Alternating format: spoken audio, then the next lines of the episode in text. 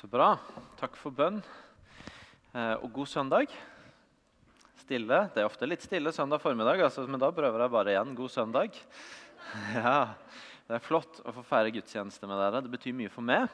Det er ikke bare noe jeg gjør fordi jeg er pastor, men det betyr mye for meg å få komme sammen med dere og feire gudstjeneste. Eh, jeg har fått eh, inn både på øret og på SMS, faktisk. Litt sånn småstressa meldinger. Du må passe på at dere ikke sier noe om stafetten. Eh, så for de som da følger med på OL og skjønner hva jeg snakker om, ja, det er en stafett nå. Og nei, jeg skal ikke si noe om stafetten. Jeg vet ikke hvordan det går i stafetten, og jeg har ikke tenkt å si noe, men jeg syns dere som er opptatt av det fordi dere tar opp og skal hjem og se, bare må passe på først å invitere med dere noen hjem for å se stafetten etterpå. Så gjør vi litt fellesskap ut av det. Ok? Yes. Du, én eh, ting før jeg begynner å tale. Eh, eh, vi hadde vitnesbyrd her i stad, åpen mic. Og eh, av en eller annen grunn, det, når det er åpen mic, så er det litt lett for meg å tenke at eh, jeg får jo lov til å stå her og snakke så mye uansett at jeg kan ikke løpe opp da også.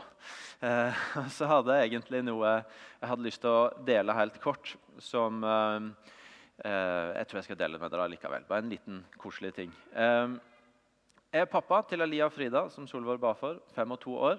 Det er jeg tror ikke det går én dag uten at jeg tenker på hvor takknemlig og heldig jeg er for at jeg får lov til å være pappa til de.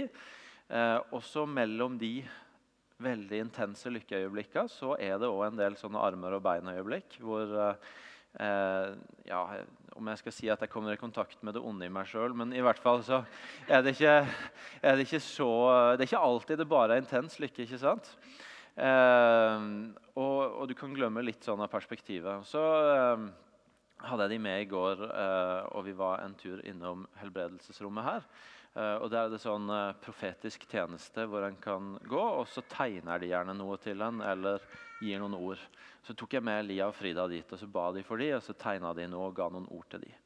Eh, og det som far å bare få midt i sånne dager hvor det er en del armer og bein òg, et sånt ord utafra som minner henne om hvordan eh, Gud ser på barna hennes.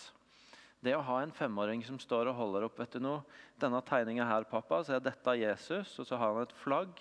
og På det flagget er det et hjerte, og så er det et bilde av meg fordi at han er så glad i meg.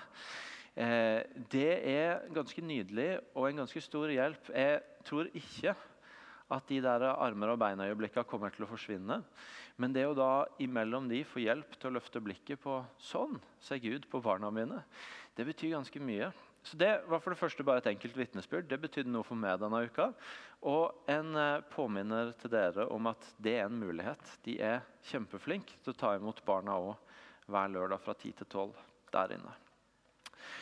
Vi er i Markusevangeliet. Eh, kommet til slutten av Markus 9. Skal lese de siste 20 versene der. Eh, jeg tror i dag at vi får det på skjerm for de av dere som ikke har med bibler. Eh, vi skal lese teksten først, og så skal vi gå rett inn i det det handler om i dag. Fra vers 30. De brøt opp derfra og la veien gjennom Galilea.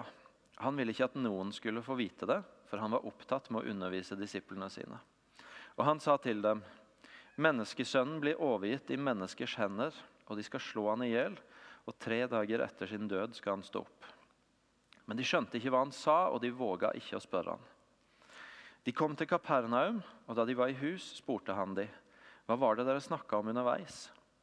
Men de tidde, for på veien hadde de snakka med hverandre om hvem som var den største. Da satte han seg ned, kalte de tolv til seg og sa til dem, om noen vil være den første, må han være den siste av alle og tjener for alle. Så tok han et lite barn og stilte det midt iblant dem. Han la armen om barnet og sa til dem, Den som tar imot et slikt lite barn i mitt navn, tar imot meg. Og den som tar imot meg, tar ikke imot meg, men han som har sendt meg. Johannes sa til han, Mester, vi så en som drev ut onde ånder i ditt navn, og vi forsøkte å hindre han siden han ikke var i følge med oss. Men Jesus svarte, dere skal ikke hindre han, for ingen som gjør en mektig gjerning i mitt navn, kan straks etter si noe vondt om meg. Den som ikke er mot oss, er med oss. Den som gir dere et beger vann å drikke fordi dere hører Kristus til, sannelig, jeg sier dere, han skal slett ikke miste sin lønn. Men den som lokker til fall, en av disse små, som tror på meg, for han var det bedre om han var kasta i havet med en kvernstein om halsen. Om hånden din lukker deg til fall, så hogg den av.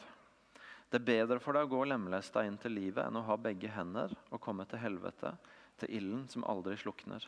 Det er marken som eter de, ikke dør, og ilden ikke slukner. Om foten din lokker deg til fall, så hogg den av. Det er bedre for deg å gå halvt inn til livet enn å ha begge føtter og bli kasta i helvete.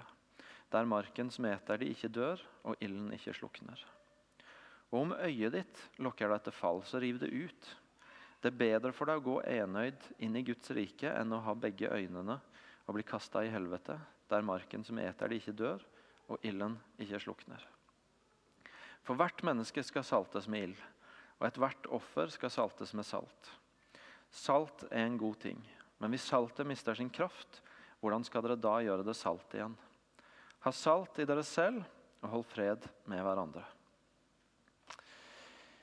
Rett fra noen ganske røffe ord til en veldig sånn uh, hverdagslig meningsmåling. Hvor mange av dere ser på Downtown Abbey, for å si han i været? Ja, Det er noen få som er med meg. Veldig bra. Jeg skal ikke snakke mye om Downtown Abbey, men jeg og Hildegunn vi har ei greie på Downtown Abbey. Vi så den første sesongen og elska det. og så Av en eller annen grunn så datt vi av, så nå har vi kobla oss på igjen. Og i løpet av bare en kort stund snart sett sesong to, tre og fire. Eh, sånn i ett. Så det er sånn du vet, sånn du av og til har det som ektepar. at du trenger ikke engang å spørre skal vi se på Downtown Abbey nå. Det er mer sånn du dumper ned i sofaen og så skal vi Ja. Og så ser man en episode til. Eh, det er en serie hvor du møter en engelsk adelsfamilie med dette flotte slottet som heter Downtown Abbey, eh, og tjenerskapet deres og livet rundt det. Hele første sesong følger de, blir kjent med de, og, blir kjent, og får et sånn glimt inn i alle disse her utrolig intrikate regler og kutymer som gjelder eh, i en sånn verden. I alt fra hvordan ting skal foregå mellom adelsfolk og tjene, tjenestefolk, til hva som er passende å snakke om under et middagsselskap, til hvem det er passende for at gifter seg med hvem og eh, er glad i hvem, om det er den rette familien, om det er nok penger, om det er god match av adelsfamilien og sånne ting. Og så skjer det noe interessant, for at i sesong, Helt på slutten av sesong 1 så bryter første verdenskrig ut. Og i sesong to så pågår andre verdenskrig. Og så er det bare veldig interessant å se hvordan noe endrer seg når en krig bryter ut, og, og liksom rykker de litt sånn ut av den der eh, virkeligheten hvor det på en måte er upassende å ha en jobb. og hvor på en måte man ikke har noe annet å fylle dagene med enn hvem man skal lunsje med, og kanskje gå litt på jakt eller ri seg en tur. eller sånne ting. Plutselig så, så, er virkelighetsbildet veldig annerledes. Og så blir det plutselig sånn at ja, hvis nesten alle unge menn er i, eh, i krigen, ja, så kan man kanskje ikke være like nøye lenger på hvem det er ok å gifte seg med. eller ikke. Hvis han er levende og er mann og i tålelig passende alder og det går an å bli glad i han, så, så er kanskje det godt nok. Eh, selv om han ikke kom fra den slekta eller hadde den formuen. Og, og, der det før kanskje var veldig rigid på hvordan det skulle være for tjenerfolket i forhold til adelsfolket, så ja, ok, det er krigstider. Vi, vi trenger kanskje ikke være så opptatt av det akkurat nå. Og så ser du i sesongene etterpå hvordan de stadig vekk refererer til at ja, dette her, det hadde aldri skjedd før krigen. Men etter å har blitt rykka litt ut av de vanene, så, så, er det noen verdier som bare har blitt annerledes. De har fått et annet blikk på ting. Eh, og det er noen ting som OK, det, det, går bra likevel. Denne krigen har gjort noe med dem. Av og til så er det hendelser i livet vårt som får oss til å se ting med et annet blikk. Som røsker litt i oss på hva som er viktig, hva som ikke er så viktig. Eh, og som gjør at vi ut fra det både tenker og handler annerledes. For et par uker siden så sto Stian ikke her, men inne i Forum. for da var jeg i Forum. Og Så fortalte Stian, en ung mann jeg tror han er i slutten av 20-åra, om hvordan han opplevde at hans liv med Jesus ikke kosta han noe. Og så hadde Gud utfordra han på å gi fra seg musikken, som han har vært så glad i, og eh, spilt masse med impuls og alt. Og så går han til bandet og sier vet du noe, jeg slutter. Jeg tror Gud minner meg om at jeg skal gi opp musikken. Og Idet han har gjort det, så ringer Kjartan og inviterer han til å reise og jobbe i Laos, et misjonsland han besøkte på Akta-team for flere år tilbake. og som eh, han hele veien hadde kjent at her er det et eller annet, men jeg vet ikke hvordan jeg skal komme meg tilbake. Altså i det han, han røsker seg sjøl litt ut. Han får ikke en krig som røsker han ut, men han røsker seg sjøl litt ut ved å ta et sånn avgjørelse. Så åpner det noe nytt seg for han. Og så er det fascinerende å se hvordan Facebook-statusene til, til, Stian for tida handler om vaksiner og forskjellige sånne ting. Og han er klar til å dra ut og begynne et nytt kapittel i livet om under en måned. Og jeg og du vi har kanskje ikke en krig, vi har kanskje ikke det at vi skal reise til et helt annet sted i verden. Men vi òg får av og til noen sånne hendelser som, som røsker litt i oss. Som, som, setter andre perspektiv på ting. Som, uh, som gjør at vi må tenke annerledes om hva som er viktig og ikke viktig. Og I den teksten som jeg har lest i dag, så er det som om Jesus prøver å røske i sine disipler og i neste omgang i oss og røske oss litt ut og si noe om at dette er det som er viktig. Det er ikke alltid det er opplagt for dere hva som er viktig, men dette er det som er viktig, og det er viktig. Det er det faktisk veldig viktig at dere får tak i. Han går gjennom Galilea, som er hjemmebane for han, hvor han normalt sett kan samle tusenvis av folk og både undervise og gjøre tegn og mirakler. Men så står det at han faktisk ikke ville at noen skulle vite om det. Fordi at nå var det utrolig viktig for han å få snakka med dem om å få snakka med disiplene om noe som de måtte få tak i. Og Det han snakker med dem om, det er sin død og oppstandelse. Han, til og med ikke å samle tusenvis av folk var viktigere enn at hans disipler måtte få tak i dette som hadde med hans død og oppstandelse å gjøre. Og så, som vi også har sett, glimre, sett glimrende dramatisert, så så har disiplene hans gått og diskutert hvem er den største, hvem er den viktigste her. Og så snoker han opp det. Jeg snoker vel ikke, jeg vet ikke om det er fint å si at Jesus snoker. Men han fikk i hvert fall tak i det. Og så, eh, og så, og så korrigerer han de, så sier han vet du, det, er ikke, det er ikke dette som er viktig. Det er ikke den samtalen dere skal ha. Fordi at den som er stor i mitt rike, det er han som går inn og tjener. Ikke han som prøver å påberope seg en posisjon. Og Så kommer disiplene og eh, begynner å, å diskutere hvem, hvem, er det som på en måte skal få lov til å opptre i Jesu navn og ikke. Det var noen som hadde drevet ut noen onde ånder i Jesu navn, men de var ikke en del av disippelflokken. Er det ok? Skal de få lov til det? Og så korrigerer han det igjen. vet du noe? Det er ikke det som er diskusjonen. Hvis, hvis noen er for oss, hvis noen bruker mitt navn til å stå imot det onde, så skal vi sannelig inkludere de inn, istedenfor å på en måte drive og vurdere om de passer inn her eller ikke. Og så Til slutt så kommer denne teksten som, hvor Jesus bruker noen ganske massive bilder. Han snakker om at vet du nå, hvis, hvis du har ei hand som lokker deg til fall, så, så kapp den heller av. For det er bedre å gå med ei hand mindre eh, og faktisk være på rett, rett retning med livet ditt og gå med Gud eh, istedenfor at det leder deg bort fra Gud. Eh, og jeg tror de fleste, i hvert fall alle jeg har lest av kommentarer og sånne ting, som tolker dette, er veldig enige om at Jesus ikke, nok ikke har meint dette helt bokstavelig. At nå må de som har en hånd eller et øye som lokker dem til fall, gå og faktisk hogge av. Men han bruker veldig sterke bilder for å si veldig tydelig at vet du noe, dette er kjempeviktig. Dette er kjempeviktig. Dere må få tak i det. Og så, eh, og så bruker han så sterke bilder. Og Det tror jeg bare er det første vi skal stoppe opp for i dag. er den der enkle at Jesus ønsker å røkke oss litt ut og, og hjelpe oss til å holde fokus på vet du noe, dette er det som er viktig i livet. Dette er de perspektivene dere må passe på å ha, og det er viktig. Det er ikke bare litt viktig. Det er ikke bare sånn interessant å finne litt mer ut om en søndag formiddag, men det er faktisk utrolig viktig at dere holder blikket på, at dere holder retninga på. Eh, står i 5. Mosebok 30, vers 19-20, så sier Gud til israelsfolket. I dag tar jeg himmel og jord til vitne mot dere. Jeg har lagt fram for deg liv og død, velsignelse og forbannelse. Velg da livet, så du og dine etterkommere kan få leve du skal elske Herren din Gud, lyde Hans røst og holde fast ved Han.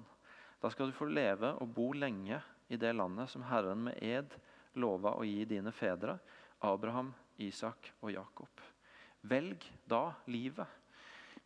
Jesus vet at det er ganske lett for oss å bli litt dratt ut av fokus i forhold til hva som er viktig og ikke viktig. I forhold til å la det som er de helt aller viktigste tinga i livet for å ha en retning med Han, få lov til å ha det fokuset. Han vet at noen ganger så blir vi overvelda av livet, av hendelser som møter oss. Som noen ganger, som i eksempelet med krigen, kan få oss til å skarpstille fokuset. Vet du noe, dette er viktig. Jeg hadde en kompis som eh, Mulig jeg har nevnt det før, men jeg hadde en kompis som, som fulgte sin far til døden, og som sa at han hadde opplevd det som en vakker ting å se et menneske over et toårsperiode måtte møte døden. Ikke fordi det var vakkert at faren døde, men fordi han hadde fått se hvordan faren hadde blitt så opptatt av å rydde opp, av å forsone seg med folk han var i konflikt med. Av å på en måte sette de viktigste tinga først. Og Noen ganger skjer det når vi overveldes av livet. Men noen ganger så får det oss også ut av fokus. Og Vi blir litt sånn kjempende og sprellende i alle retninger. Og så er det som om Jesus vil dra oss tilbake og si vet du noe, dette er viktig. Uansett hva som møter deg. Og så er det også noen ganger sånn at alle livets trivialiteter drar oss ut av fokus. At vi um, Det er så mye annet som, som fyller synet vårt. At, at, vi sakte, men sikkert dras litt ut av fokus på at dette er de viktige tinga. Um, ringte en journalist fra Aftenbladet til meg på, på fredag og spurte meg om det, Hun skulle lage en sak om fastetida som kommer om en stund. og spurte er det egentlig noen vits i at vi har faste lenger. altså Hører det hjemme i den moderne verden? Som noe mer eventuelt enn en sånn sunnhets-kostholdsgreie? Jeg tenker at ja, kanskje hører det mer hjemme enn noensinne. Fordi at eh, vi i verdens rikeste land og i kanskje den rikeste byen i det landet eh, trenger å bli minnet om at vi ikke har hele livet i vår, vår hule hånd. Eh, men at vi faktisk er noen andre ting som ligger under for at vi skal kunne ha et sant og godt liv. Eh, og da trenger vi noen ganger å dras tilbake. Det gjør Jesus i denne teksten, og han gjør det på forskjellige måter. Og jeg tror bare Det er det første som jeg vil at du skal høre i dag, og kanskje la deg utfordre av i dag. Eh, et, et, en utfordring til å, til å, kalles litt tilbake til hva er, hva er de viktigste spørsmåla i livet. Hva er de tinga jeg trenger å ha fokus på? Jesus har før denne teksten i flere av kapitlene hatt ganske mange diskusjoner med fariseerne og de skriftlærde. Og det de gjør, det er at de begynner å bore lenger og lenger ned i åndelige spørsmål og blir ganske sånn superåndelige. Og så mister de fokuset egentlig på hva som er viktig, fordi at de gjør det som har med Gud å gjøre, fryktelig komplisert. Jeg har sagt det før her, og jeg sier det igjen. Jeg tror disippellivet, livet med Jesus, det å leve som en kristen, det er sånn som vi møter det hos Jesus, meint å være enkelt å forstå, utfordrende å leve. Og så er det alltid en fristelse for oss å gjøre det komplisert å forstå og lett å leve. Fordi at vi bruker så mye tid på å heller bore dypere og dypere ned i kompliserte ting, sånn at vi slipper å måtte handle på det. Egentlig, hvis utfordringa er 'elsk din neste som deg sjøl', ja, da er det noen som vil ta den utfordringa, sånn som noen av de som var rundt Jesus når han sa det, og gjøre, og, og begynne å heller diskutere ja, men hvem er min neste. da? Og Så kan en jo bruke lang tid på å diskutere det istedenfor å elske sin neste. Og så blir det komplisert å forstå, men ikke så veldig utfordrende å leve. Egentlig så kan du bare ta det mennesket som står foran deg, og tenke det er min neste. Og så begynne å la deg utfordre av å elske. Og så er det ikke blitt så komplisert, men det er kanskje utfordrende å leve. Og Det er kanskje noe av det Jesus kaller oss tilbake til i dag. Å huske det. Å holde fast på noen enkle ting. Og heller la oss utfordre av det enn å gjør det mer og mer og mer komplisert. De av dere som hører til her i kirka, fikk ved starten av året denne trekanten. og Den er egentlig bare meint å være en sånn sak som skal hjelpe oss til det. Som skal hjelpe oss til å huske at vet du, det er noen enkle ting. Å leve nær Gud, å gjøre livet sammen med noen andre. Og se hvordan jeg i min hverdag kan gjøre Guds godhet tilgjengelig for andre mennesker. Så veldig mye mer komplisert enn det trenger det ikke å være. Og, og hvis det er i bevegelse, hvis det er i vekst i de tre områdene, ja, så er jeg på sporet. Så er jeg på retninga. Så veldig mye mer avansert trenger det ikke å være. Guds rikelivet bærer frukt. Det er den gode måten å leve på. Men noen ganger så, så mister vi litt blikket på det, eller vi ser det ikke helt. Og disiplene så det ikke helt. Og så rister Jesus litt i det og sier dette er viktig. Dette må dere huske på. Dette er veien til livet. Velg livet. Og så har jeg bare med det sagt, ut fra de fire tekstene, lyst til å stille oss fire enkle spørsmål som vi kan ta med oss og tenke gjennom ok, hvilke av disse spørsmåla treffer mitt liv. Og da har jeg lyst til å si, Nå har jeg sagt, allerede løfta fram ett perspektiv, og så kommer det fire spørsmål. Og Da er det litt lett sånn at hvis du går hjem og skal prøve å på en måte eksaminere deg sjøl på alle, alle, de fem tinga, så, så ble det plutselig litt komplisert, og så ble det kanskje ikke så mye ut av det. Poenget er ikke nødvendigvis alle spørsmåla, men hvilket av disse taler Gud til du med i dag? Hva er det som er spesielt relevant for ditt liv, og som han på en særlig måte ønsker å røre ved noe i du med? Hvis jeg må velge mellom at dere går hjem fra denne gudstjenesten og, og, og kaster terninger på meg og tenker du, i dag, i dag, sa han mye bra i preiken. Det var bra, altså. Og så, og så, og så lar han det ligge med det. og Så ble det ikke noe mer av det, men det var liksom, fikk godt terningkast.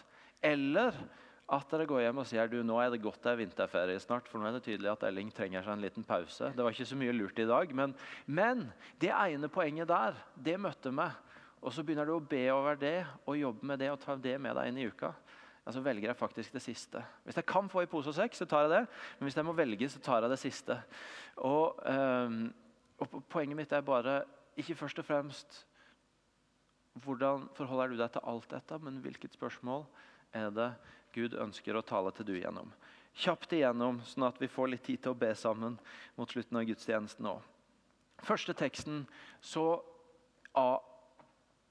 gir altså Jesus avkall på muligheten til å ha et svært vekkelsesmøte i Galilea, hvor han vet at han drar store mengder, fordi han er nødt til å snakke med dem om at han skal dø og stå opp igjen. De skjønner ikke noe av det. Vi kjenner historien og vet at den hendelsen han snakker om der, ble den store hendelsen i hele historien. Hvor han døde for de sin skyld, men også for din og min skyld. For at vi skulle ha liv, for at vi skulle få tilgivelse, for at vi skulle finne nåde. Og Derfor er det første spørsmålet jeg har lyst til å stille deg i dag, det er bare lever du ut fra nåde. For enten du har gått lenge eller kort med Jesus, så er det faktisk ganske lett for i en virkelighet med mange ting, og også hvor du møter mange forskjellige ting i Bibelen og kan høre forskjellige ting snakka om fra en talerstol osv. Og bare glemme av og mista fokus noen ganger. At vet du noe, hele utgangspunktet er at han døde for din og min skyld. At vi fikk nåde, og at vår verdi er henta ut av det. Og Det betyr at de gangene du kjenner at nå begynner usikkerheten å bygge seg inn i meg igjen på verdien min, på hvem jeg er, på hvorfor jeg er her, så er aldri svaret å begynne å kave for å gjøre seg fortjent. Men det er alltid å hentes tilbake til den grunnleggende hendelsen i troa vår. Nemlig at han som har skapt deg, han, døde, han ga faktisk også det kjæreste han hadde for deg, for at du skulle ha liv, for at du skulle få nåde, for at du skulle få en ny start. Alle de gangene hvor du kjenner på at ah, nå blei det ikke som jeg ville igjen, og du, du kjenner at du kommer til kort og alt det der, og så begynner du å kave for å holde fortet, for å holde fasaden, for å gjøre deg fortjent for å bygge opp verdien din, så har han lyst til å dra deg tilbake igjen og si vet du noe, det er bare én ting grunnleggende sett som, som, virkelig gir deg fred med det. Og det er at Jesus ga livet sitt for deg. Kanskje har det skjedd noen sånne store hendelser i livet ditt i det siste som har gjort at, at du har fått alle de der store spørsmålene om hvem er jeg, og hva betyr det her, og, eh, og, og, og hva er mitt bidrag? Kanskje du har blitt sjuk, kanskje du har mista noen, kanskje du har mista jobben. Og så trenger du å bli kalt tilbake til at verdien min var ikke noen av de andre tinga, men at han elska meg. At han ga livet sitt for meg. Og Kanskje er det ikke de store hendelsene, men kanskje er det bare alt det der mylderet som noen ganger drar oss bort fra vissheten om at vet du nå, det er der det begynner. Det er det som er utgangspunktet mitt. Er der er trygghet. Så har Jesus bare lyst til å røkke deg litt i deg i dag og minne deg om at vet du noe, det er det at du er elska, som er utgangspunktet. Det er det at du er elska, som skal gi deg verdi. Og Hvis noen av de andre spørsmålene jeg stiller i dag, gjør deg usikker, eller du føler ikke du får det helt til, så er i hvert fall ikke svaret å begynne å kave med det, men å heller gå tilbake til det utgangspunktet. Han droppa vekkelsesmøtet, for han var nødt til å snakke med disiplene om dette her, for det var så viktig. Han er faktisk villig til å skjære bort mange andre ting som måtte være viktige i ditt liv også, for at du skal få tak i at vet du noe, hele utgangspunktet er at du er elska, og det er din verdi. Og Der finner du svaret på hvem du er, og hvorfor du er her, og hva som er veien videre midt i alt det du gjør, og det som møter deg. Du er elska. Han døde og sto opp for deg. Så går de, de videre, og så får de denne diskusjonen om hvem som er størst. Hvor disiplene går og krangler om det. og så arresterer Jesus de litt og sier vet du noe, det er ikke det det handler om. Den som vil bli størst, må tjene. Han må gå under de andre og tjene, og gjennom det så skal han bli stor. Det betyr at det andre spørsmålet til oss i dag det er bare tjener du? Eller leiter du etter en eller annen plass eller posisjon? Er du, er du, har du fått den tryggheten på at du er elska, som gjør at du kan gå inn og tjene istedenfor å prøve å finne en eller annen posisjon som gir deg verdi? Er du trygg nok på at Gud har lagt noe unikt ned i deg, som, som han kommer til å bruke? Som gjør at du trenger ikke å gå inn verken i ei kirke eller på en jobb eller i en familie eller en annen sammenheng og begynne å stresse med hvordan skal jeg posisjonere meg her for å få min plass, for å få brukt, for å få vist meg, for å få brukt mine greier. Men du kan faktisk begynne med å gå inn og tjene og spørre hvordan kan jeg legge verdi til det de gjør. Og så er løftet fra Jesus at da kommer det han har lagt ned i du, til å bli åpenbart i rette tid. Det kommer til å komme fram og spille sin rolle, og du får din rolle. Hvis du begynner med å gå inn og tjene. Og Det kan være en utfordring for noen av hver av oss av og til. Og Derfor så tror jeg bare Jesus ønsker å gjøre det tydelig for oss. Er du villig til å gå inn og tjene? Tredje avsnittet så er disiplene urolige for om grensene er for løse.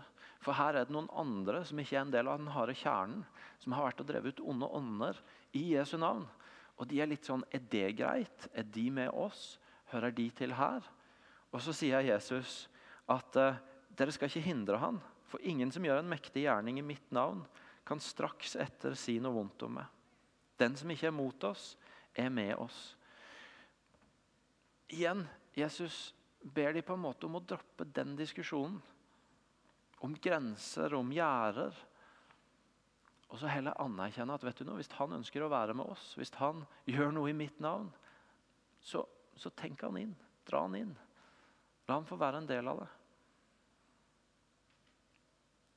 Har vi det mindsettet i møte med folk? Leiter du etter liv hos andre mennesker? eller etter det som ikke er bra hos andre mennesker? Leiter du etter det du kan bekrefte i dem, som, som viser noe om gudslivet i dem? Eller legger du fokuset ditt på de tinga som du ikke liker, eller syns ser popper ut som ikke er bra? Vi kjenner Jesus godt nok til å vite at han er ikke en som sier du skal aldri ta i det som ikke er ok. Han kan være ganske konfronterende. Men allikevel er det noe i denne teksten med en sånn kultur av å begynne med å anerkjenne. Av å begynne med å bekrefte livet i folk. Av å begynne med å tenke folk inn istedenfor ut. Og hvorfor er det vi av og til ikke gjør det? Jo, det er selvfølgelig fordi vi er utrygge sjøl, og fordi vi blir utfordra av det. Og så begynner vi heller å snakke om det som ikke er bra, enn å bekrefte livet hos folk. Og Da er vi tilbake til det første. Ok, Hvis du er der, Så kanskje er det du som trenger, istedenfor å sitte og snakke om er han innafor eller utafor, så er det kanskje du som trenger å gå tilbake til den første samtalen om at du er elska, om at han døde for din skyld, og hente tryggheten din ut ifra det. Leiter du etter livet i folk? Leiter du etter det du kan bekrefte og dyrke fram? Eller prøver du å sette grenser? Siste spørsmålet eh, før vi lander. Har du, og det er et, selvfølgelig et utfordrende et, akkurat som teksten er det, har du slutta fred med synd i livet ditt? Jesus sier at hvis du har en arm som lokker deg til fall, så, så kvitt deg med den. For det verste som kan skje, det er at du kommer på feil retning med livet ditt. Er arm, en, en arm en dårlig ting? Et bein en dårlig ting? Et øye en dårlig ting? Nei, alt det er bra. Men Jesus er til og med villig til å si at vet du, nå kvitt deg med noen ting som egentlig er veldig bra, hvis de er med på å ta deg på feil retning i livet. Jeg hadde en kompis som måtte kaste Internett ut av leiligheta si i ett år for å klare å få bukt med nettpornoen.